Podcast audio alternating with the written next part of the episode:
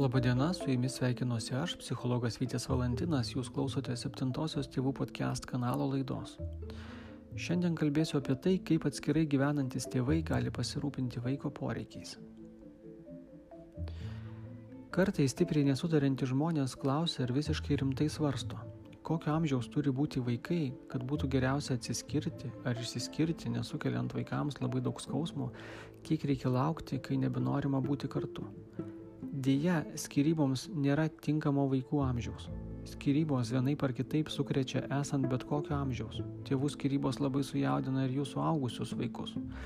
Vienas mūsų šeimos draugas apie savo tėvų skyrybas yra pasakęs. Toks jausmas tarsi sugriuvo mano kadaise buvusi vaikystė. Aš savo tėvus net sapnuodavau visą tą kartu, jie buvo centras. Eifelio bokštas. Ir čia staiga viskas suiro. Vieni tyrimai rodo, kad vaikai, kurių tėvai gyvena atskirai, gali jaustis geriau nei tie, kurie gyvena kartu su abiem labai nesutarančiais tėvais. Bet kiti tyrimai sako priešingai. Šitą dalyką yra labai sunku tyrinėti, čia nėra vienareikšmio atsakymo. Šeimos situacijos yra skirtingos. Yra tiek įvairių veiksnių, kad jas ne visada įmanoma ar prasminga lyginti. Bet veikiausiai, būdamas nelaimingas santykiuose ir negebėdamas tų santykių pakeisti, laimingo žmogaus neužauginsi. Jei namuose tvyro įtampa, abejingumas, keršymas vienas kitam ar nuolatinė vienas kito kritika, matant vaikui, tai toks gyvenimas kartu vardan vaiko, nes taip reikia, yra savotiškas psichologinis absurdas. Ar mes tokiu būdu slapta nesakom vaikui, tai tu sugrioviai mano gyvenimą, tai dėl tavęs aš taip kenčiu, negalėdamas nieko pakeisti. Kas tuomet yra geriau? Ar gyventi namuose, kuriuose reikės išprotėti gali greičiau nei spėsi vakare užmerkti akis? Ar turėti mamą ar tėtį, gyvenantį kelio gale ir žinoti, kad tau galima ten ateiti, samanotais takeliais?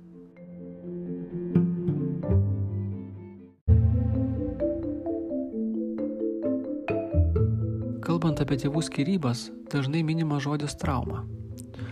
Iš tiesų tai yra didelis įvykis vaikui, potencialiai sukrečiantis įvykis, tačiau žinant tam tikrus dalykus ir stengiantis, galima stipriai sumažinti tokio įvykio pasiekmes. Yra išskirti svarbiausi antidepresinės vaiko reakcijos į skirybas komponentai, apie kuriuos ir noriu jum papasakoti. Pirmasis ir turbūt svarbiausias dalykas tai bendravimas. Vaikui reikia patirti, kad nors tėvai nesutarė ir nebegyvena kartu, bet abu jį myli ir toliau bendrauja su juo, kad kitose namuose gyvenantis tėtis ar mama nepaliko, bet tebetusgia kaip tolima bitė. Vaikui reikia matyti, kad santykiai su abiem tėvais išliko ir tęsiasi, o jeigu santykiai subjūra, tai juos galima atkurti. Ir čia suaugusieji turi atkurti, vaikas netkurs. Galbūt pradžioj vaikui gyvenimas tokiomis aplinkybėmis atrodo visai neįmanomas, bet kai praeina kiek laiko, jis pamato, kad egzistuoja gyvenimas po tėvų skirybų, galima yra gyventi. Iš kur vaikas sužino, kad yra mylimas ir galima gyventi? Dažniausiai ne iš to, ką mes jiems sakom, bet iš to, kiek mes matomės ar neapgaunam, kiek jo domimės, apie ką šnekamės, ką veikiam kartu.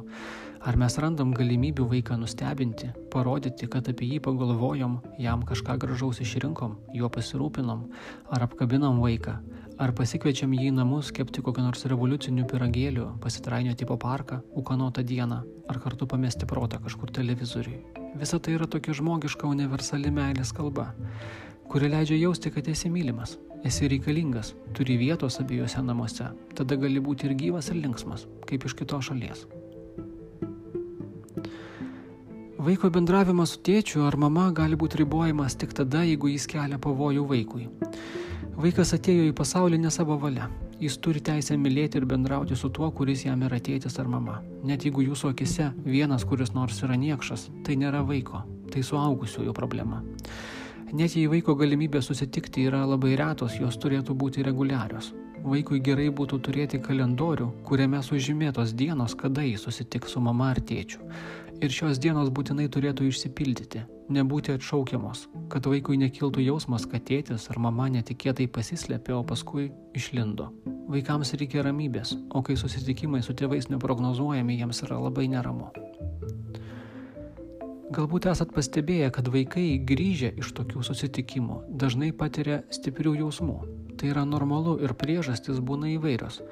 Jeigu susitikimai labai reti, vaikas išeina juos turėdamas labai didelių lūkesčių. Kai aš susitiksiu su tėčiu, galvoja jis, tai tada mes su tėčiu ir tai ne visada išsipildo. Kartais visa tai tiesiog negali išsipildyti per keletą dienų ir čia reikia atjautos ir supratimo. Kartais nereikia labai daug kalbėti, užtenka vaiką apkabinti, pabūti šalia. Daugelis vaikų šiandien turi kelis namus ir komfortiškai gyvena tarptų dviejų namų, dviejų šeimų. Svarbu, kad vaikas tuose namuose turėtų du lygiaverčius komplektus kabutėse. Kiekvienose namuose po savo lovą, pižamą, dantų šepetėlį, drabužių, savo kampelį žaisti. Kad nevaikščiotų su kuprinė, kaip paklydęs piligrimas. Gal tai atrodo smulkmenos, bet labai svarbios.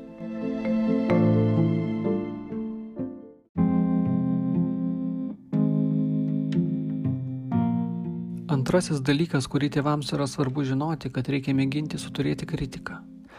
Buvusio partnerio ar sutoktinio kritika vaiko akivaizdoje yra smurtas prieš vaiką.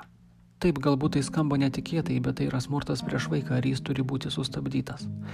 Matote, tėtis arba mama vaikui nėra vien išoriniai žmonės, jie yra vaiko vidaus dalis. Ir jeigu jūs kritikuojate, puolate tėtį ar mamą, tai vaikas patiria kaip asmeninį užpuolimą, ataką prieš savo savastį. Tikriausiai vienas iš klaikesnių vaikystės patyrimų dažnam iš mūsų buvo nugirsti, kaip artimi žmonės, o gal profesionalai, auklėtojai ir mokytojai nepalankiai atsiliepia apie vieną iš mūsų tėvų ar abu. Yra labai svarbu, kad su vaiku bendraujantys žmonės tokiu būdu vaiko nežalotų. Priešingai, reikia, kad jie padėtų vaikui susidaryti visapusišką tėčio ar mamos paveikslą. Ne tik gerą ir ne tik blogą, bet su abiem pusėm kad būtų du upės krantai - vaizdas iš paukščio skrydžio, o ne iš kurios nors vienos pakrantės. Vaikui reikalingas vidinis tėtis ir mama su abiem pusėm, su ta, kurią galima mylėti ir ta, ant kurios galima pykti. Net ir didžiausias kriminalas turi savyje tai, ką galima mylėti. Jei vaikas neturės viduje tėčio ar mamos, kurios galima mylėti, bus blogai. Galbūt jo tėvai yra kalėjime, gal jie pažeidė įstatymą, bet jie vis tiek yra jo tėvai. Jie gal moka aitvarą padaryti, nors ir gaila, kad neturėjo galimybės daryti tai daugiau negu vieną vasarą. Pamėginkite dabar trumpam staptelti ir įsivaizduoti, na pavyzdžiui, berniukui, ką reiškia berniukui aukti, bręsti, tapti vyru, tai yra kažkuo panašiu į tėtį, kasdien girdint, kad tas tėtis yra visko blogas ir mamai ar kažkam kitam labai stipriai nepatinka.